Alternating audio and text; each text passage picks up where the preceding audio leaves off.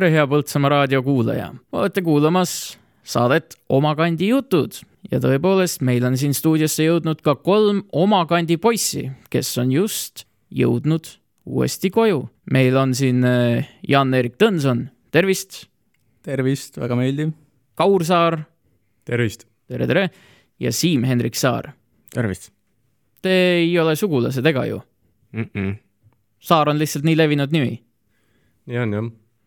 Vot nii, aga põhjus, miks te siin kõik täna olete, on sellepärast, sest te olete värskelt mitu päeva tagasi. siin viies vist läheb viis päeva tagasi olete saanud reservi ja nimelt te tulite aega teenimast. Te olete kõik äh, kahekümneaastased, üheksateistaastased. nii umbes jah. ütleme pigem kaitseväest kui aega teenivast, see kõlab paremini lihtsalt. Aa, no näed, standardid kohe kasvavad, siis äh, kasutame seda soovitud sõnavara, et te olete tulnud kaitseväest ja te olete pääsenud siis reservi. kuidas teie esimesed viis päeva tsiviilelu või siis vabadust on äh, maitsenud? Äh, no siin mõndade sõpradega on kokku saadud ja ütleme nii, et alles käib selline sisseelamine tavarutiini. nõustun jaa, et eeldasin, et see rutiini naasmine, naasmine siis tsiviilellu on palju raskem, aga tegelikult pole mitte midagi hullu nagu. no ma võin omalt poolt lisada veel, et minul on siiani tegelikult selline tunne, et ühel hetkel tuleb mingisugune kõne või kuskilt keegi ütleb, no nii, nüüd on vaja sinna minna. ehk siis ei ole tegelikult veel seda kindlustunnet justkui, et ahah, nüüd olengi nii-öelda vaba mees, vaid et on ikkagi mingisugune asi, mis on järsku vaja veel ära teha ja ma ütleks, et mina, minul siiani tegelikult ei ole veel seda tunnet, et ahah, nüüd ongi reserv ja äh, ajateenistus on, või no ütleme siis kaitsevägi on läbi ehk siis äh, nojah, eks kellel äh, kuidagi, aga mul, ma arvan, läheb mingisugune kaks nädalat lausa, aga eks me näe. no ega selles suhtes ma pean alles homme veel vormi veel selga panema, et ma ei ole nagunii veel vaba. Peab minema võtma oma ohvitseri pagunid vastu, ega muud pole midagi teha. nii et äh, Siimul on natukene ärevus sees, Kauril veel tegemist jagub, ütleme nii. jaa, täitsa, täitsa nii on kas siis kaitseväes oli kogu aeg nõnda, et ootad käsku, kunagi ei tea, millal võib äh, keegi kuskil karjuma hakata? Ei no kas just karjuma, aga no selles suhtes jah, ega sa ei, ei täpselt väga ei tea kunagi, millal tuleb uus käsk või midagi, eriti metsalaagrites. seal sa oled äh, kogu aeg, lähed magama, mõtled, et saad kaheksa tundi magada, aga tegelikult okei okay,, kaheksa tundi on liialdus, ütleme, et saad kaks tundi magada ja viieteist minuti pärast äh, on kogu laager häires ja kahest tunnist unest sai just nagu viisteist minutit ja nii ongi. räägime sellest, et teie kõik läksite, kas te olite klassivennad? Või vähemalt samas lennus, eks ole? Äh, te läksite kohe pärast kaheteistkümnendat klassi siitsamast Põltsamaa Ühisgümnaasiumist läksite kaitseväkke aega teenima. Jaa, noh, nii palju ma oskan öelda, et meid läks viisteist tükki, mina olin nii-öelda selle grupi algataja siis, et äh, võtsin ühendust Kaitseväe ressurssidega ja tegin neile siis ettepaneku, et me tuleksime või noh, selle, liituksime selle programmiga, klassiga äh, Kaitseväkke. ja siis äh, olidki mõned kõned ja võeti meie soovid vastu, et me tahaks minna Tapale pioneeri ja siis me viieteistkümnekesi läksime siit Põltsamaalt, et no niimoodi siis saabki, saadad neile lihtsalt meiliga nimekirja ja asi ants ja. Jaa, põhimõtteliselt saab, et äh, kaitsevägi on selles suhtes, tuleb hästi palju vastu, kui, kui tahetakse minna kodukohast koos nii-öelda kaitseväkke, et selles suhtes väga, väga tulevad vastu. kuidas see protsess siis välja nägi? sa andsid neile nimekirja ja ühel hetkel hakkasite lihtsalt, kui kuupäev kukkus, hakkasite kõik koos siit jalutama või? no selles suhtes, et äh, kui me läksime arstlikusse komisjoni, siis seal tuli, me läksime samal päeval äh, umbes kümme tükki meid või umbes niimoodi, et. Äh, umbes jah, no mingi kümme, küm-, ma mäletan, kokku oli lõpuks siis selline viisteist või, jah. ja, ja seal arstlikus komisjonis iga kord, kui käisid kuskil nii-öelda toas ära, kus vaadati kas su silmanägemist või kuulmist, siis oli, aa, sa oled jälle see Põltsamaalt jah, klassiga lähete ja lõpuks, lõpuks ma ei tea, meid pandi nimekirja ja nii lihtne see ongi. kas, Samuel, kas sa mõtled nagu pigem, et kas me, kuidas me sinna Tapale saime või kuidas edasi? no seda oleks ka täitsa huvitav kuulda jah, et kuidas te läksite siis kõik, läksite Tapale viieteistkümnekesi või? jah, kõik viisteist. tegelikult oli niimoodi, et noh, seal juhtus ka selline nii-öelda, selline olukord, et tuli välja, et lisaks meile kes me siis mingi noh, viieteist äh, kutise satsiga läksime siis äh, äh, nii-öelda koos sinna projekti, siis lisaks meile tuli veel vähemalt kaks äh, siis äh, noormeest äh, samast äh, kohast põhimõtteliselt, nad ei olnud küll meie klassis, aga äh, tuli veel juurde, et äh, noh, lõpptulemus oli see, et äh, meil oli selline väga eristatav Põltsamaa punt justkui kus siis oligi niimoodi, et tavaliselt sul on ikkagi nii-öelda kutid üle Eesti tulevad mingisugusesse ühte rühma kokku. aga seal juhtuski just see, et pool rühma põhimõtteliselt oli ühest väiksest kohast, ei olnud isegi mitte, noh, oletame, ma ei tea, enamus on tavaliselt ikka kas siis Tallinnast või Pärnust või öö, kuskilt mujalt, aga seal oli tõesti niimoodi, et öö, ma mäletan ikka, rääkisin teistega ka seal, kes siis eh, kuskilt mujalt on tulnud ja imestati, et kuidas nüüd võimalik on, et mingisugusest Põltsamaast on tulnud tõesti äh, nii suur hulk. Ja siis noh, selgitasingi, et äh, nii ta oligi, et me tulime sellise projektiga ja, ja kui omalt poolt saan lisada, et kui keegi tõesti tahab äh, kuidagi äh, klassiga või noh, üleüldse sõpradega saada nii-öelda ajateenistuses äh, ühte kohta siis äh, äh, see projekt on äh, väga hea selle jaoks, sest et seda arvestatakse ja meil oli ikkagi väga palju olukordi, kus meid päästis põhimõtteliselt lihtsalt see ära, et me olime selle projektiga tulnud, muidu oleks tõenäoliselt meid laiali saadetud. omalt poolt lisan kuulajatele, et rühm on tavaliselt kolmkümmend kolmkümmend kuus meest, et siin tõenäoliselt tuleb päris palju nii-öelda kaitseväe sl-, äh, slängi, aga jah, äh, seitseteist, äh, seitseteist sõdurit kolmekümne kuuest olid siis Põltsamaal. ja sellega, millest Siim just rääkis, sellega on ka huvitav lugu, et, et kui me nii-öelda hommikul Jõgevalt bussi peale istusime, noh siis märkasimegi, et Põltsamaalt oli, olid paar, paar meest veel ja kui me kohale jõudsime, siis nii-öelda ma küsisin neilt, et eh, kuule, tahad niimoodi jooksvalt meiega kaasa punti tulla, et siis saad, saad ka, no ta on see, see, see mees on aasta vanem meist, oli aasta vane, varem lõpetanud. Ja, ja siis eh, ta jooksvalt liitus meie pundiga ja siis, kui seal küsiti, et te olete klassiga, siis me olime ja, ja tema on ka meiega ja siis saime kõik veel nii-öelda suurema Põltsamaa pundi, et väga-väga eh, huvitavalt läks, et ega noh tuleb lihtsalt osata rääkida ja muud ei ole. Jaan-Erik, kas see esimene päev seal oli ka ärevust äh, tekitav või aitas see ka kaasa, et äh, omad poisid olid käevangus ja, ja siis oli kohe elu, elu nagu lill, jah? nojah, muidugi oma pundiga on ikka julgem minna, et äh, mäletan, seisime seal formeerimise järjekorras ka ikka nii-öelda omad poisid koos, et sellist mingit hirmu, et et oi, kuhu nüüd minema peab ja et mida nüüd teha, et et sellist justkui väga ei olnud. aga noh, siinkohal tuleks selle eelnevale jutule veel mainida, et äh, see eeltöö, mida siis Kaur ära tegi, need nimekirjade saatmised ja kõned, et see oli küll väga hea, aga tegelikult ei olnud kindel kuni bussi peale astumiseni, et äh, kas me saame nüüd Tapale või Jõhvile.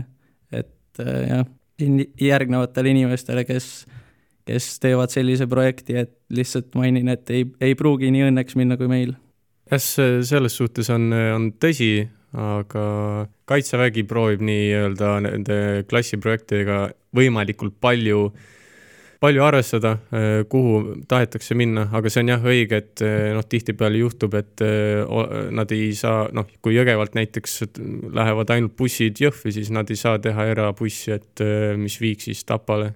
et nii lihtsalt on, nii võib juhtuda aga nii palju, kui nad saavad, siis mina olen niimoodi aru saanud, et nad saadavad sinna, kus on nii-öelda teie soov klassiga minna. aga millised need konkreetsed olukorrad siis äh, olid, no mõni näide, et kus teid siis kambana lihtsamini või paremini läbi lasti?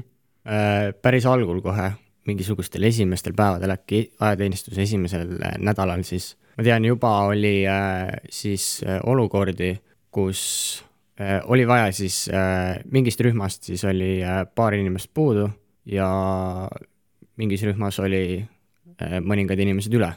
ja lihtne loogika ütleb, et ahah, teeme võrdseks, siit äh, paar inimest sinna ja kogu asi on äh, nii-öelda hästi.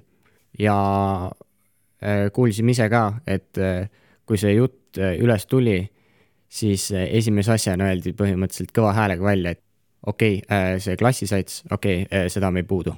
ehk siis tõesti, kui ongi selline olukord, kus äh, sa oled juba saanud äh, teatud inimestega tuttavaks, oled ennast seal hakanud nii-öelda mugavamalt tundma, siis äh, see annab sulle justkui sellise noh, mingisuguse teatud mõttes võib-olla puutumatuse kaardi nii-öelda.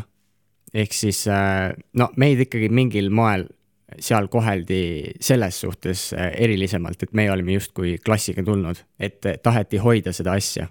ju siis see on mingisugune nii-öelda üleüldse kaitseväel nagu kokku lepitud, et sellest peetakse kinni, kuna seda on ka lubatud. ja noh, meie saime seda kogeda, et äh, tõesti, nii oli. aga see nii-öelda klassiprojekt siis ka, ta nii-öelda kestab seitse nädalat, ehk siis SBK, mis on siis sõduri baaskursus. peale seda enam nagu nii-öelda sellest kinni ei peata, mis on ka õige, et aga ongi, et äh, need esimesed seitse nädalat, et siis, siis saate klassiga koos olla, peale seda muidugi tuleb valida, kas noh, kui te, kui te olete klassiga üksteist kuud läinud, mis tähendab, et siis te lähete kas autojuhiks, NAK-i ehk siis noorema allohvitseriks või siis erialaspetsialistiks. et siis, siis noh, läheb niimoodi, et minnakse, lähevad teed enamjaolt lahku, nagu ka meil. et nii-öelda sellest seitsmeteistkümnesest pundist läks kol-, kolm Põltsamaa poissi läksid, läksid noorema allohvitseri kursusele, kaks tükki läksid eriala spetsialistiks, ehk siis Jan Eriksin ja tähendab, mina ja Siim Hendrik läksime siis noorema allohvitseriks ja ülejäänud selline kolmteist Põltsu poissi läksid siis autojuhtideks erinevate suurte masinate peale siis. nii et eh, kui meid kuulab keegi, kellel ajateenistus on juba silmapiiril ja tahab samamoodi kambaga minna, siis teadmiseks see, et lõpuks pekstakse ikka kõik laiali, et eh, pole midagi teha. no nüüd, nüüd on jällegi, see on kahe otsaga asi selles suhtes, et eh, kui me nüüd kaitseväe lõpupoole jõuame, kus siis hakkab all, allüksuse kursus, kui kõik nii-öelda erialakursus on läbi, kõik on, või noh, need, kes läksid noorema allohvitseriks, on saanud seersantideks oma asjad ära teinud, nii-öelda autojuhid oma load, siis pannakse nii-öelda päris sõjaaja rühmad kokku ja siis näiteks minu rühmas oli öö, Põltsamaalt öö, neli, viis, neli, neli, neli, neli-viis poissi, jah. sellist, jah. et noh, selles suhtes ikkagi nagu mingil määral jäime kokku. muidugi aitas see, et nii-öelda mina siis kaitseväes olin rühmaülem, ehk siis ma juhtisin nagu rühma, suurus siis on kolmkümmend kuus ja sinna ma siis ka sain nagu nii-öelda nihverdada, noh, selles suhtes nihverdada omale Põltsamaa, Põltsamaa mehi natukene näiteks Siimu, mina siis näiteks valisin omale jaoülemaks, Põltsamaalt oli üks autojuht, kelle ma nii-öelda ka vahetasin omale rühma ja, ja siis minu nii-öelda rühmaülema abi oli ka Põltsamaalt äh, Relja Vasar. Ja siis meil oligi nii-öelda põhimõtteliselt enamus või noh, nii-öelda rühma juhtkond oligi enam-vähem Põlt-, Põltsamaalt kõik, et sai niimoodi hästi. Üks huvitav asi küll on see, et kui keegi tõesti kuulab praegu seda ja mõtleb, et ohoh, mina tahaksin nüüd minna klassiga kaitseväkke, on ju, siis tegelikult kui mina algul nii-öelda noh, kogu selle grupiga liitusin, et okei okay,, lähme nüüd suure pundiga kaitseväkke, siis algul ma mõtlesin, et okei okay,, väga-väga hea mõte. nüüd, kui tagasi vaadata, siis äh, mul ei ole enam nii hea arvamus sellest.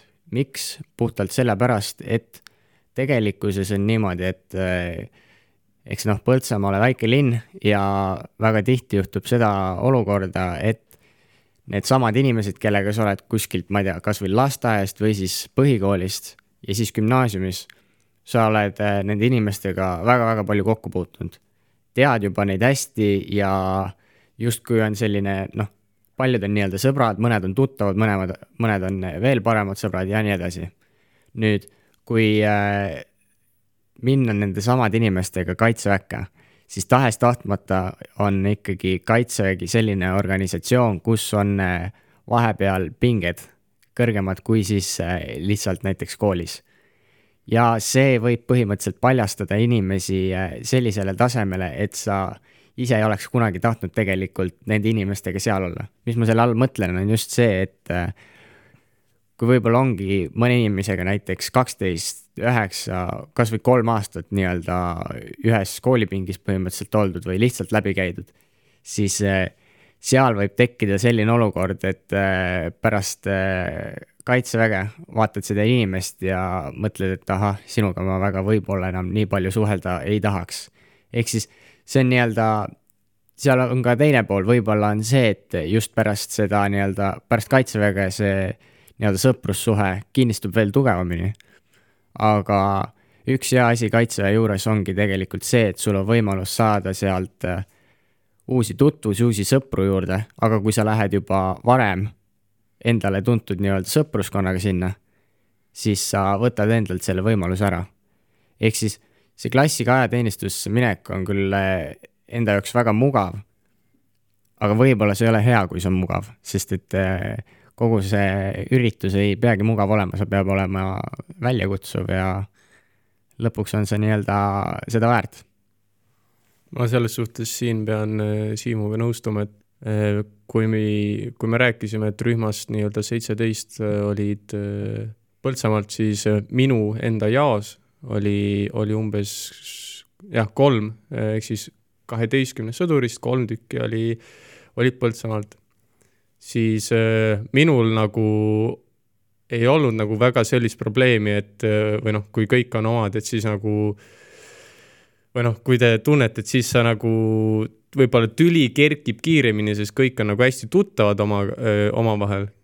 aga siis seal jaos, kus oli näiteks Siim Hendrik SBK ajal, siis seal, seal neil olid kõik Põltsamaa, Põltsamaa mehed ja siis noh, nii ongi, et kui kõik on üksteist hästi kaua tundnud, siis äh, tihtipeale ma, ma arvan, et sa nõustud minuga, et nii-öelda see tüli on äh, kergem püsti tulema või, või mis sa arvad? seal ei olnud pigem see, et tüli on kergem püsti tulema, vaid äh, mõte oligi selles, et see tundub kuidagi piinlik või siis lihtsalt selline väga noh, totter või naljakas, et inimesed, kellega sa oled kogu aeg nii-öelda läbi käinud ja ei ole kunagi mingit tüli olnud ja noh, kõik see loomulikult ongi päris pealiskaudne olnud.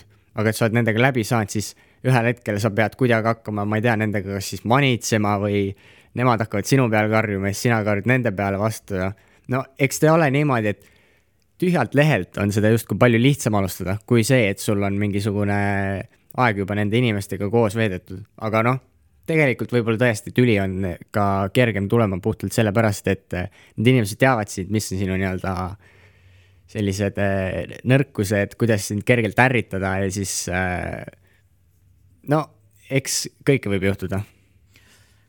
kui te nüüd üldiselt vaatate oma kaitseväe ajale tagasi, siis missuguse hinnangu te sellele annaks? no ütleme näiteks numbriliselt, kümne palli skaalal mina annaks omale teenistusele, ma arvan, et selline kuus.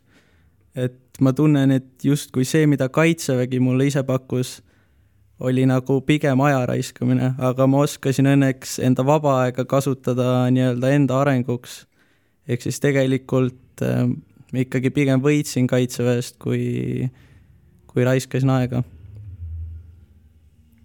äh, mina nii-öelda mina paneksin või mina annaksin üheksa, üheksa koma viis kümnest, selle, selles mõttes, et äh, mina läksin kohe alguses äh, sinna äh, sellise teadmisega, et mina võtan maksimumi sellest, ükskõik mis mu teele tuleb, ma pingutan maksimumi ja nii-öelda lõpuks minu siis või noh, minu pingutused tasusid ära, ma, mind valiti nii-öelda siis äh, aspirantuuri, mis siis tähendab, et äh, olen nii-öelda, sain ohvitseriks, juhtisin rühma, mis on nii-öelda kõige kõrgem tase, mis on nagu võimalik seal saavutada.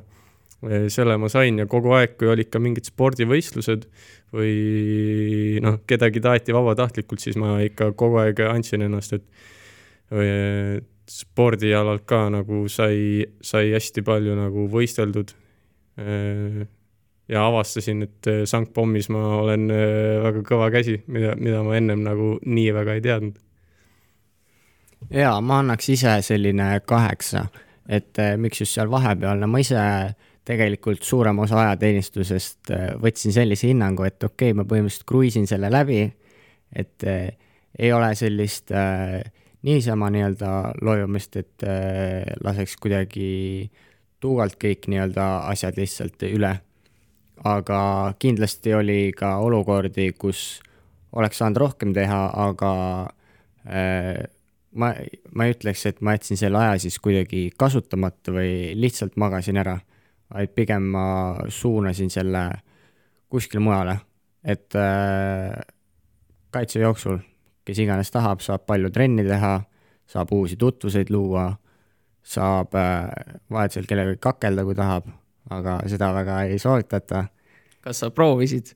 Ehm, ma nagu ei proovinud, aga eks ma seal eh, oma alluvatega vahepeal maadlesin küll, et eh, näidata, et eh, kuidas see asi on. no see oli sihuke klassikaline meeste jõu mõõtmine lihtsalt, jah? just, just jah, vihmasel päeval ja muda mülkas ja väga selline mehine tegevus. no sa üritasid rohkem konflikte lahendada, nagu sa varasemalt oled rääkinud ei, seal oli mul mõte lihtsalt see, et äh, ah, iga päev jah, võib-olla mõnel mehel oli külm ja siis kutsus siia, et noh, tule siia, maadleme ei no jaa, ma mõtlen lihtsalt üldse, et et kuidas sa olukordadele lahendasid, lähenesid, oli pigem see, et sa lahendad siis selle konflikti, mitte ei. ja, ja ikka, et äh, Kaur on mitu korda maininud, et tema oli rühmaülem, mina ise olin jaoülem ja minu siis äh, roll oli äh, juhtida jagu, ehk siis selline üheksa, kümme, üksteist, kaksteist äh, meest. ja eks seal oligi äh, pidevalt see, et mehed suutsid mingisuguse nii-öelda mure endale tekitada ja siis oli vaja kuidagi see mure ära lahendada. ja no üks tüüpiline asi, eriti just talvel, oli see, et mehed olid niisama passinud ja siis tulevad, ütlevad, et kuule, mul on külm ja siis lihtne lahendus on see, et no nii, tule välja, lähme maadleme ja see töötas. mis äh, kõige suuremad väljakutsed äh, Kaitseväe juures olid? ma ütleks küll seda, et äh, tegelikult on inimestega koostöö tegemine. see küll on väga selline kuidas kunagi olukord ja oleneb ka, mis inimestega sa pead nii-öelda seal koostööd tegema, aga minule sattus Jaku üks äh, täiesti umbkeelne poiss ja üks äh, selline poiss, kellel oli ülejäänud maailmast äh, täiesti kamakaks. ehk siis ainus, mille peal tegelikult tema mõtles, oli tema ise. ta tunnistas seda avameelselt, mis noh, müts maha, et okei okay,, tõesti, kui oled selline, siis ütle välja. aga oligi see nii-öelda koostöö tegemine, et kui no mina sain õppida seda, et minul nii-öelda vene keele ajateenistuse jooksul ikkagi äh, paranes kas nüüd märgatavalt, aga siiski selline areng oli sees, noh, eks äh, kõik saavad aru, mis sõnu ma seal kõige rohkem vene keeles õppisin, aga äh, ei, ma ei hakka ütlema neid. sõjaväekeel ikka. ja, ja, aga jah, tõesti, kõige raskem on tegelikult seal äh, inimestega, minu jaoks vähemalt oli inimestega koostöö tegemine, kui on tõesti sellised inimesed, kellega on raske koostööd teha. jah, kui keegi on sinuga väga sarnane, samad maailmavaated ja nii edasi ja nii edasi, siis on kogu see protsess äh, väga lihtne. aga kui ongi niimoodi, et äh, igast Eestimaa nurgast tuleb täiesti X inimesi, siis ongi see, et ahah, mis ma nüüd teen, et ei saa lihtsalt jalgu trampida ja öelda, et andke mulle uued inimesed, et mina nendega koos ei äh, koos tööd ei tee, siis noh, sellist olukorda peab tegelikult ainult ise lahendama. aga kas siis ei tulegi mitte see välja, et sa enne rääkisid, et, et võib-olla oleks isegi hea, kui oma kandi rahvaga ei satuks äh, sinna ühte jakku või ühte rühma, et konflikti vältida, siis elus tuleb niikuinii konflikte, mitte ainult kaitseväes. nii et äh, täpselt nagu sa ütlesid, sa ei saa ju neid inimesi naljalt välja vahetada, ei tohikski nii naljalt välja vahetada. Ja ei saagi, aga ma ütleks äh, siinkohal seda, et need konfliktid on jah, need on rasked, aga see annab tegelikult väga palju just iseendale juurde. et mina saan öelda seda, et mul on hea meel, et mul oli ikkagi äh, kaitse, kaitsevägi noh, ikkagi pakkus pinget ja teatud hetkedel ta ikkagi oli raske. Ja see on lihtsalt märk sellest, et äh, toimus areng sest kui kõik see oleks väga lihtsalt läinud, nagu ma tean, et mõndadel meestel tõesti oli, et kui keegi mõtleb, et kuidas saaks, kas kaitsevägi saab ka nagu lihtsam olla, siis aus vastus on, et jaa, tegelikult saab päris lihtne olla, kui tead, kuidas seda asja põhimõtteliselt üle lasta. aga jaa, see, kui on raskused, ei tähenda, et asi on halb, pigem oli asi hea. Jan-Erik, millised olid sinu ristipuud, mida sa seal kandma pidid? no ma ütleks seda, et minu jaoks oli ilmselt kõige suurem väljakutse see, et äh, nii-öelda pingutada ja teha mingit asja, mis tegelikult on mulle suhteliselt vastukarva, ilma, põhimõtteliselt ilma tunnustamiseta, siis nagu seda motivatsiooni nagu üleval hoida äh, on nagu väga raske tegelikult, et noh, räägin ära siis, et äh, mina olin sidespetsialist nii-öelda ajateenistuses ja selline IT-ala mulle tegelikult ei ole kunagi nagu absoluutselt istunud. nii et äh, ma olin tegelikult väga pettunud pärast SBK-d, kui mind sinna pandi, aga sellegipoolest kogu aeg, kui olid meil siis sügisel äh, kohe septembri algusest kuni jõulu, jõulupuhkuseni välja, ehk siis äh, sinna detsembri keskele, oli meil nagu väga intensiivne väljaõpe ja pidev teoor-, pidevad pikad teooriapäevad pluss praktika, siis ma kogu aeg andsin endast kõik, aga mulle tundus nagu, et ülemad ei pannud seda absoluutselt tähele. ja see ilmselt on see, mis ma oskan välja tuua nagu ajateenistusest, küll aga äh, selline väga paradoksaalne tundub see, aga see teine, teine väljakutse siis on pigem see, et minu jaoks ajateenistus oli nagu nii, liiga lihtne. et äh, see väljaõpe justkui oli intensiivne ja vastumeelne mulle, aga kui me asusime oma põhiülesannete juurde pärast jõulupuhkust, siis see tegelikult oli selline väga lihtsalt metsas passimine mitmeid päevi, kuulasin seal raadiojaamu, kirjutasin üles infot ja ega seal väga tegelikult minu jaoks muud ei olnudki.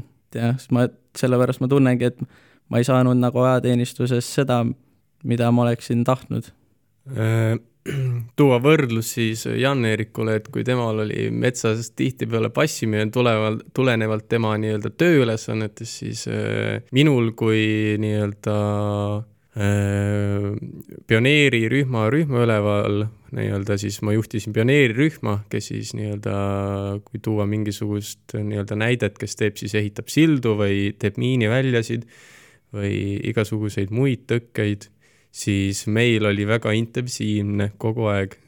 tihtipeale võis juhtuda niimoodi, et me öösel magasime kas siis heal juhul äh, tund-kaks äh, või parandan, halval juhul tund või kaks ja heal juhul selline neli-viis ja kogu aeg on ehitamine, ehitamine, ehitamine ja magada saab vähe, et see on, see on selles suhtes suhteliselt keeruline. ja kui minul siis nii-öelda mina alati nagu hoolitsesin selle eest, et ma saaksin selle kuhugi selle hommik, lõuna, õhtu selle söögikorra sisse painutada sinna ehitamise vahepausidele, siis öö, mina ise pidin kogu aeg ringi sõitma uutele projektidele ja tihtipeale juhtus nii, et, nii et, et mina näiteks ei jõudnudki süüa, et see on nii-öelda üks selline juhi nii-öelda kohustustest, et si, nii-öelda sina pead olema valmis kogu aeg kõigeks valmis olema tegema, aga mehi, sa pead nii-öelda kogu aeg andma neile piisavalt puhata ja nii-öelda, et ne, ne, ne, nemad saaks süüa. aga see, et kas sa nagu ise saad, sa pead nii-öelda neid ohverdusi tooma, muidu lihtsalt äh, sõja ajal siis nii-öelda nende elud päriselt nagu kannataksid selle all, et juht ei tohi nagu puhkama jääda väga kõvasti. et äh, võimuga kaasneb suur vastutus ja see on raske. Äh, selle, selles suhtes küll ja kui nii-öelda äh, keegi kuulab, kes läheb kaitseväkke praegu, siis mina kindlasti soovitan, äh, minge noorem allohvitseri kursustele ja püüelge väga kõvasti, et te saaksite aspirandiks. et äh, tõsiselt soovitan seda juhtimiskogemust, seda nii-öelda nii varajases elus saada on suhteliselt raske, et seda ei saa väga, väga igalt poolt. et äh, see juhtimiskogemus, mis sealt nagu mulle kaasnes, Äh, on nagu tõsiselt nagu meeletu. ja ma olen kuulnud, et tegelikult ka tööturul arvestatakse väga suurel määral seda, kui sa, kui sul näiteks CV-s kirjas, et äh, sa juhtisid ajateenistuses, kas siis ongi kümmet meest või isegi neljakümmet, et ka seepärast tasub pingutada. Äh, aga ma nii-öelda kindlasti noh, ma tooks võrdluseks, ma ei ole ise autojuht, aga võrdluseks ma tooksin ka siis äh, nii-öelda autojuhi kursuse, et siin oleks ka nii-öelda mitmekesisust, et äh, kui äh, nii-öelda kellelgi on väga minna soovi autojuhiks kaitseväkke, siis ma soovitan, minge kindlasti pioneeripataljoni sest pioneeripataljon on nii-öelda kaitseväes üks väheseid nii-öelda üksuseid, kus sa saad, kui sa autojuhina saad reaalselt nagu sõita nii-öelda frontaalaadurite, traktorite, eskavaatorite ja oi, väga palju muude masinatega. et äh, see nii-öelda äh, paljud, kui ma varem rääkisin, me läksime klassiga, siis hästi paljud nii-öelda Põltsamaalt Äh, läksid äh, autojuhtideks, siis paljud lõpetasidki seal nii-öelda JCB-de ja suurte masinate peal, mis oli väga-väga hea näha. ja siis, kui oligi näiteks raske tehnikat vaja vahepeal appi kutsuda, siis oli oh, oma, oma mees jälle tuleb, lükkab sul kõik need kaevikud ja asjad valmis, et tõsiselt hea näha nii-öelda oli. kas äh, rääkides nüüd nendest rasketest äh, momentidest selle nii kas esines ka selliseid ahaa-momente, kus sa nagu õppisid midagi enda kohta, enda kui inimese kohta? oli midagi sellist, mida sa varem enda äh, kohta ei teadnud, aga siis see kaitseväe keskkond, üksteist kuud, nagu te kõik seal olite, tuli midagi sellist huvitavat välja? jaa, ma võin omalt poolt kindlasti öelda seda, et äh, siin eelnevalt rääkisime ka võõraste inimestega kokkusaamisest ja nii-öelda see omade pundist laiali löömisest, et äh, ma arvasin, et minu jaoks äh, tuleb see väljakutse, et kui mind pannakse ainult äh, võõraste inimestega kokku, aga minul üllatuseks tegelikult ma väga nautisin seda nii-öelda omadest eemal olemist ja siis nii-öelda omaette arenemist selles suhtes, et äh, kaitseväes äh, mina nii-öelda nägin äh, hästi palju erinevaid inimesi ja hästi erinevate isiksustega inimesi, et see nagu nii-öelda mingil määral nagu psühholoogilise koha pealt ka nagu avardas minu nagu nii-öelda vaateid lihtsalt, kui palju erinevaid inimesi nagu ma kohtasin, et ongi, kui sul on näiteks mõni inimene, mõni mees Tallinnast, kes äh, kes on nagu hästi selline tavaline Tallinna, Tallinna poiss, et oi, kõik on pa-pa-pa ja nii ja siis, siis, siis teine on näiteks. saadan ette vabandused kõikidele Tallinna inimestele, kes meid kuulavad, aga jätka. no selline, noh, nii on. ja siis on, siis on ka nii-öelda äh, Norrast tulnud äh, mees, kes äh, noh, tuligi siia kaitseväkke nüüd ja täiesti noh, nii-öelda teistsugused isiksused. Ja noh, jällegi tuua võrdluseks siis Tallinna äh,, Tallinnast, et jällegi, kui äh, sealt tuli üks nii-öelda, ma sain tuttavaks ühe inimesega Tallinnas, kes nii-öelda see, ma ütlen, et tema on nagu mulle üks nendest inimestest kaitseväes, kellega ma nagu tõsiselt tahan edasi suhelda, nii-öelda saime, saime headeks sõpradeks, et äh, Samuel, Tallinnast tuleb igasuguseid inimesi. et ei ole ainult halvad, ei ole ainult halvad. aga no ühte ma ütlen, et enamjaolt Tallinna inimesed võtavad kõike muud peale Tallinna Eestit maamülgasteks, et Tartu on maamülgas ja Põltsamaa no eks me näe, kas meie tsensor pärast otsustab, et selle osa lõigatakse välja või mitte. aga Siimu, mida sina enda kohta õppisid seal mm,? Ma ütleksin tegelikult seda, et äh, mis ma enda kohta justkui rohkem teada sain, oli lihtsalt võib-olla see, et äh, kui palju ma mingis olukorras näiteks pinget talun, kas ma suudan äh, stressirohkel ajal säilitada kainet mõistust ja eks see, et kas see nüüd oli või, või mitte, et kas ma suutsin või mitte, ma saan nii palju öelda, et ma jäin endaga rahule. minu jaoks oligi Kaitsevägi testimise koht kus ma sain ennast proovile panna, teha igasuguseid testi, ka koroonateste, aga see selleks. jaa, sain äh, endale väljakutseid põhimõtteliselt esitada ja lasin äh, justkui teistel ka luua sellised nii-öelda raskemad olukorrad, noh, mitte lihtsalt selleks, et endale justkui äh, kodaratesse mingisugune toigas visata, vaid selleks, et, et näha, mis puust ma siis olen. ei, ma ütleks, et mind nagu äh, kui paljusid inimesi Kaitsevägi muutis palju ärevamaks ja nii-öelda mul üks teine rühmaülem, kes äh, kellega ma väga hästi läbi sain, tema näiteks äh, alguses oli väga-väga rahulik mees, kui ta tuli Kaitseväkke. ja lõpupoole ta mehed suutsid ta nii välja vihastada kogu aeg, et äh, no ta oli, ta oli suht, no ta oli päris teistsugune mees, kes ta alguses tuli, et ta oli palju nii-öelda kuidas ma ütlen, no oli näha, et närvid olid äh, veits rohkem läbi kui teistel, aga mina ütleks, et Kaitsevägi mind muutis palju nagu rahulikumaks inimeseks, nagu hästi palju.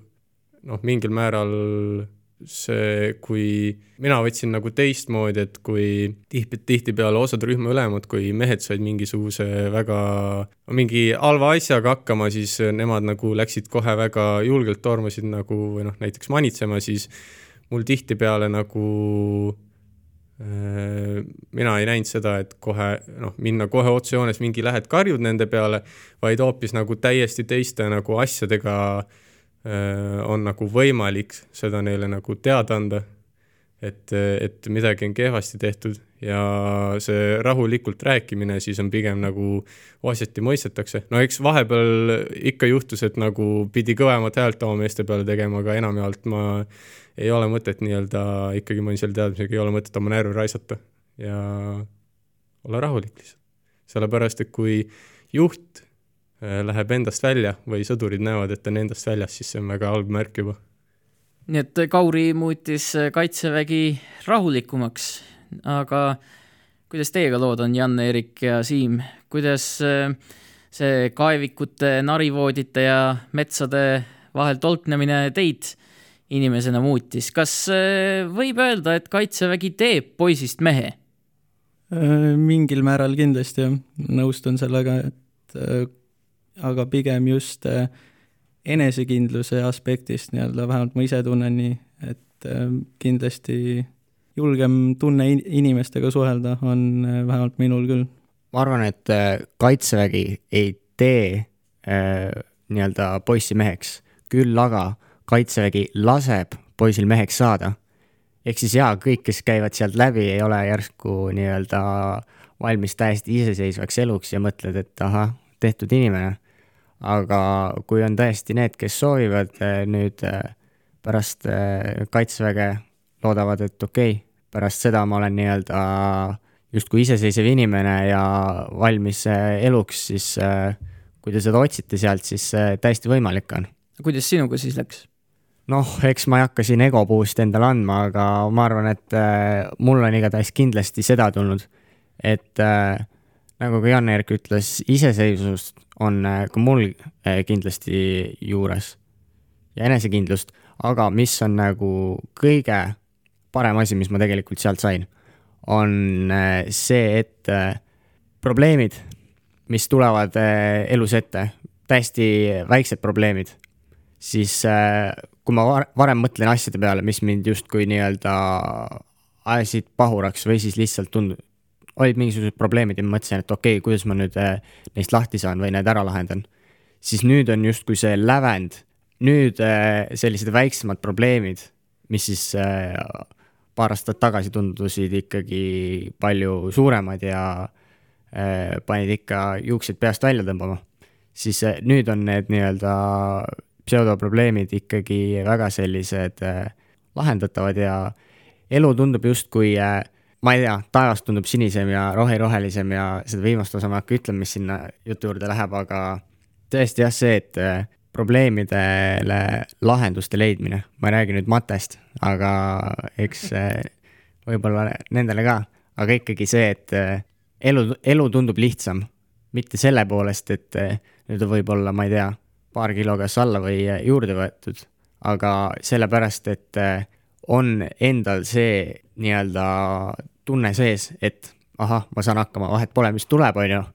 Äh, see asi on tehtav, sellepärast et seda ka kaitseväe jooksul põhimõtteliselt äh, süstitakse sisse. ta ongi mingisugune olukord, aga sa tead, et okei okay,, vahet pole, mis tuleb, nagu me teeme selle ära, sest et äh, tehaksegi ja tsiviilelus täpselt samamoodi, et see on nagu, see on see, mille mis on mulle justkui äh, kõige väärtuslikum, mille ma kaitseväest kaasa võtan.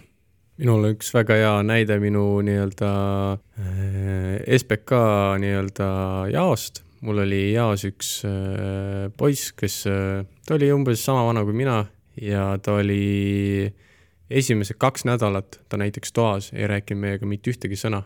ja peale seda ta vaikselt hakkas rääkima ja no põhimõtteliselt oli aru saada, et äh, ta on äh, noh, väga selline noh äh,, ei olnud väga enesekindel ja siis ma kogu aeg üritasin teda nii-öelda selles aidata, ta läks noorema allohvitseri kursustele, ta sai edukalt sealt läbi ja ta sai seersandiks. ta nii-öelda alguses kogu aeg ütles mulle, et ma tegelikult ma vihkan seda, et ma sain seersandiks ma, mulle ei meeldi see töö üldse, aga kui nii-öelda ta sai oma äh, üksuse kätte, ta sai äh,, algusest oli nii-öelda pooliülem, ehk siis mis tähendab, et ta juhtis viite meest, teda edundati siis nii-öelda jaoülemaks ja ta pärast lõpus mulle ütles, et äh, ma olen väga õnnelik, et ma läksin, läksin ikkagi nii-öelda seersandiks. Ja mul oli seda tõsiselt hea meel nagu näha, kuidas, kuidas nii-öelda temast sai see julge mees, kuidas ma nägin, kuidas ta nii-öelda käskis oma mehi, nemad kohe tegutsesid, et see oli täiesti teine mees, keda mina nii-öelda nägin nii-öelda kaitseväe alguspäevil, et seda oli jube hästi näha. aga nagu Siim ütleski või et nii-öelda on need, keda see muudab ja need, keda ei muuda, et see on kõigist nii-öelda kaitsevägi ei tee ei tee meheks. ja Põltsamaa raadio kuulaja, Te kuulasite just saadet äh, Oma kandi jutud ja meil olid stuudios Jan-Erik Tõnson, Kaur Saar ja Siim-Hendrik Saar, kes tulid just viis päeva tagasi Kaitseväest. ja ma usun, et te olete minuga nõus, et Eesti riigi julgeolek on kindlates kätes. aitäh teile, et te saatesse tulite ja aitäh ka teile, et te meid kuulasite ja saate lõpetuseks kuulame siis ära ühe väikse tänavaküsitluse, kus me läksime tänavatele ja küsisime Põltsamaa inimestelt, et eh, kas nad on või, või on mõni nende lähedane olnud kaitseväes ja kuidas see neid mõjutanud on. tere, teeme Põltsamaa raadiole tänavaküsitlust, uurime teie käest, kas teie olete või mõni teie lähedane on olnud kaitseväes, kuidas see teid mõjutanud on? ei ole kaitseväes olnud, ei võetud vastu. ja kuidas teil? Ei, samuti ei ole kaitseväes olnud, nii vana juba, enam ei võeta. Äh, mina isiklikult veel ei ole kaitseväes käinud, sellel suvel lähen, aga üks minu bändikaaslane tuli just tagasi. sel aastal käis ja ütles, et äh, tema kogemus oli üpriski positiivne, et äh, õppis palju, palju uusi asju, tema siis oli noorem allohvitser ning võttis enda peale palju erinevaid ülesandeid, kuid äh, ütles, et lõpuks äh, tasus kõik ära ning äh, kogemus oli pigem positiivne. kas teie olete või mõni teie lähedane on olnud kaitseväes, kuidas see teid mõjutanud on? on, on küll kaitseväes olnud, Egert mõjutanud mind. ausalt öeldes ei oska üteldagi, kas ta mind on otseselt mõjutanud. on olnud kaitseväes ja inimene jäi väga võõraks kuna ma olin väga väike, kui ta seal oli. no mu laps läheb kohe kaitseväkke kahekümnendal eks ta, eks ta ikka mõjutab natukene. kurb meel on, et ära läheb kas teie olete või mõni teie lähedane on olnud kaitseväes, kuidas see teid mõjutanud on? olen ise olnud, vend on olnud, isa oli lühikest aega, aga on ka olnud. mõjutas, no nüüdseks enam ei mõjutanud, alguses oli, tegi nagu mehisemaks, aga enam pole mingit tolku.